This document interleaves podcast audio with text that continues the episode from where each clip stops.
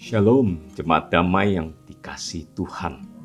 Tidak terasa hari berganti dengan hari, bulan pun ikut berganti. Hari ini kita telah tiba di hari ketiga bulan Mei tahun 2021. Saudaraku yang terkasih dalam Tuhan, bukankah ini semua karena kebaikan Tuhan semata yang memampukan dan menyertai kita untuk dapat hidup sampai pada hari ini? Saudara, beberapa hari yang lalu, tentu kita mendengar sebuah berita tentang lonjakan COVID-19 yang membawa kematian yang terjadi di India. Setelah ada sebuah perayaan keagamaan yang berlangsung secara massal di Sungai Gangga yang dianggap keramat oleh umat yang percaya di sana. Saya melihat sejumlah besar orang yang turun berjalan menuju Sungai Gangga tanpa memperhatikan protokol kesehatan yang telah ditetapkan selama masa pandemi ini. Mereka seolah tidak memperduli, memperdulikan akan adanya bahaya virus corona. Mereka dikuasai oleh sebuah fanatisme buta yang menutup pikiran mereka.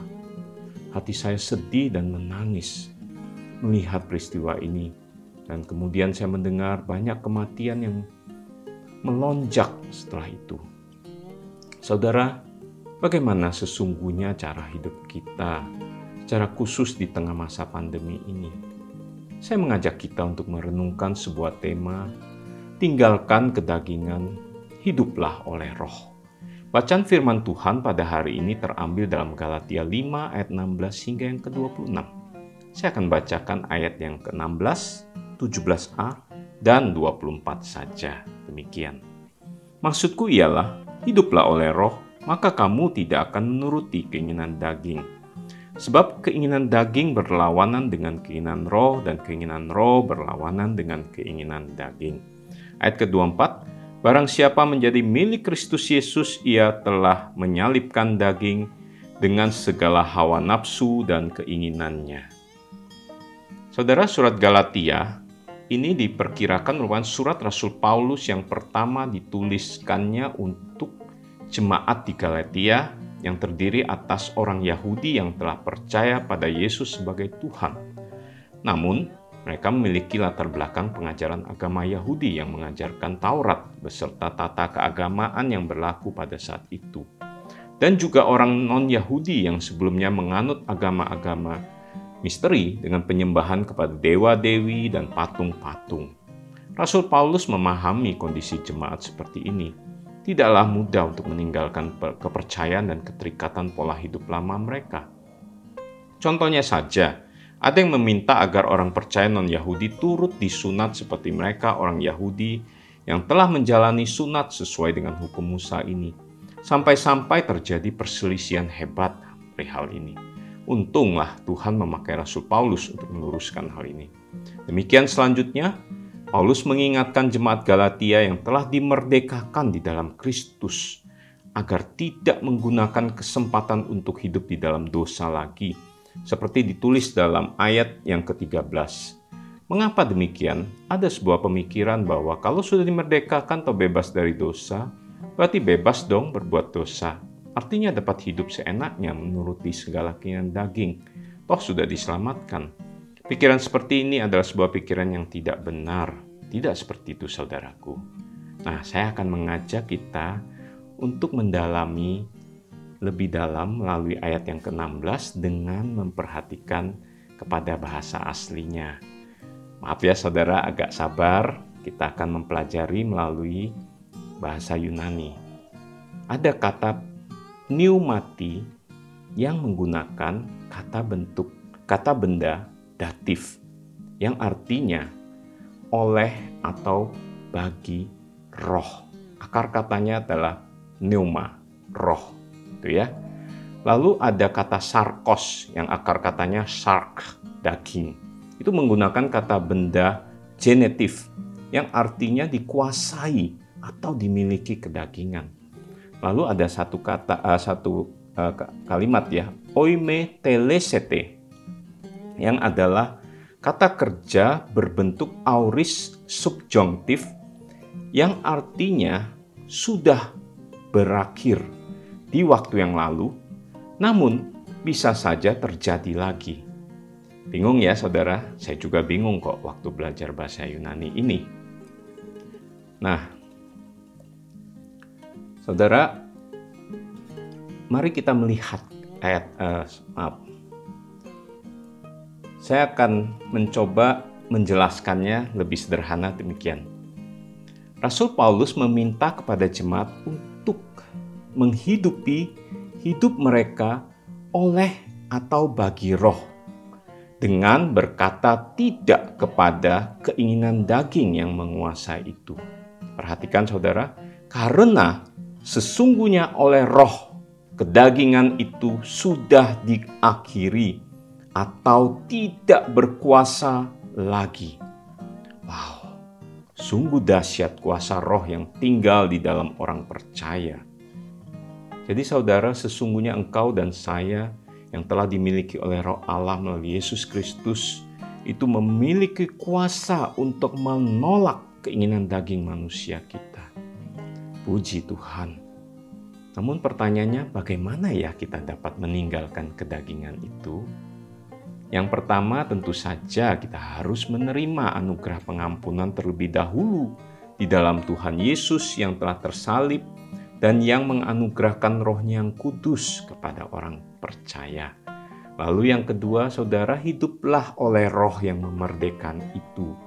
Tidak lagi di bawah hukum Taurat. Hidup oleh roh artinya hidup yang menyalipkan daging dengan segala hawa nafsu dan keinginannya, serta mau dipimpin oleh roh.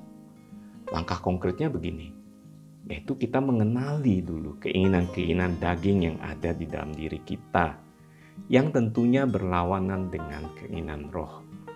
Saudara saya mau coba ambil satu contoh saja perbuatan daging yang dituliskan dalam ayat yang ke-19, yaitu tentang penyembahan berhala.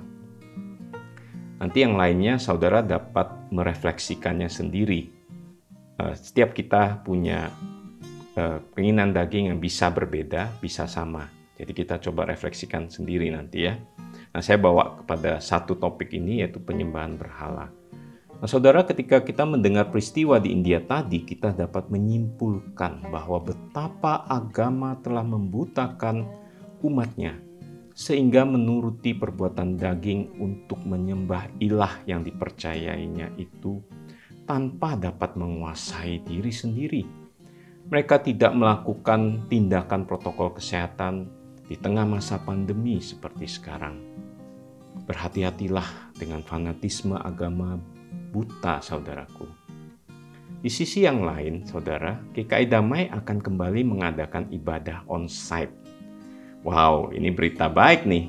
Artinya kita akan berjumpa kembali secara ragawi pada tanggal 6 Juni mendatang untuk bersama-sama memuji, meninggikan, dan mendengar firman Tuhan.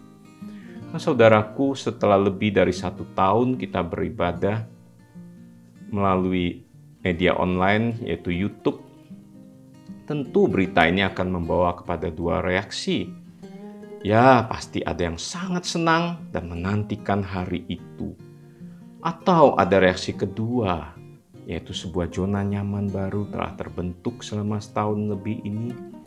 Enak juga ya, bisa beribadah di rumah tanpa tergesa-gesa pergi ke gedung gereja yang kadang bisa macet dan mengakibatkan terlambat.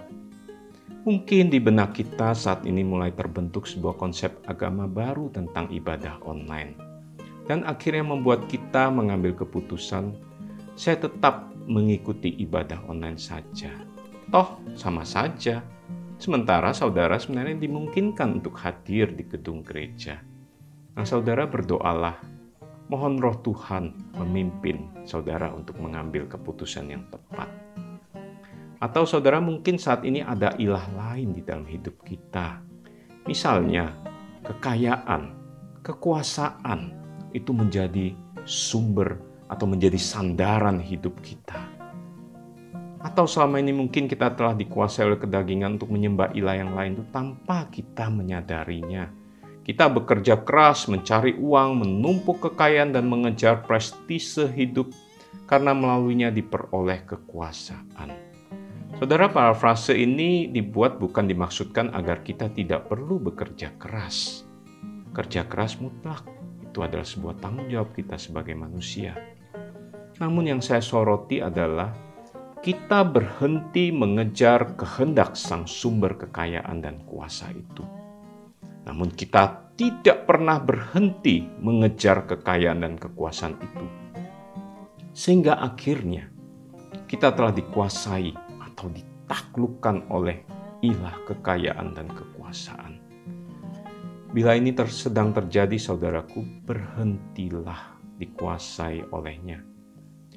Tinggalkan dia dan hiduplah oleh dan bagi roh yang telah memerdekakan dirimu. Karena kamu bisa melakukannya. Kuasa itu ada di tanganmu.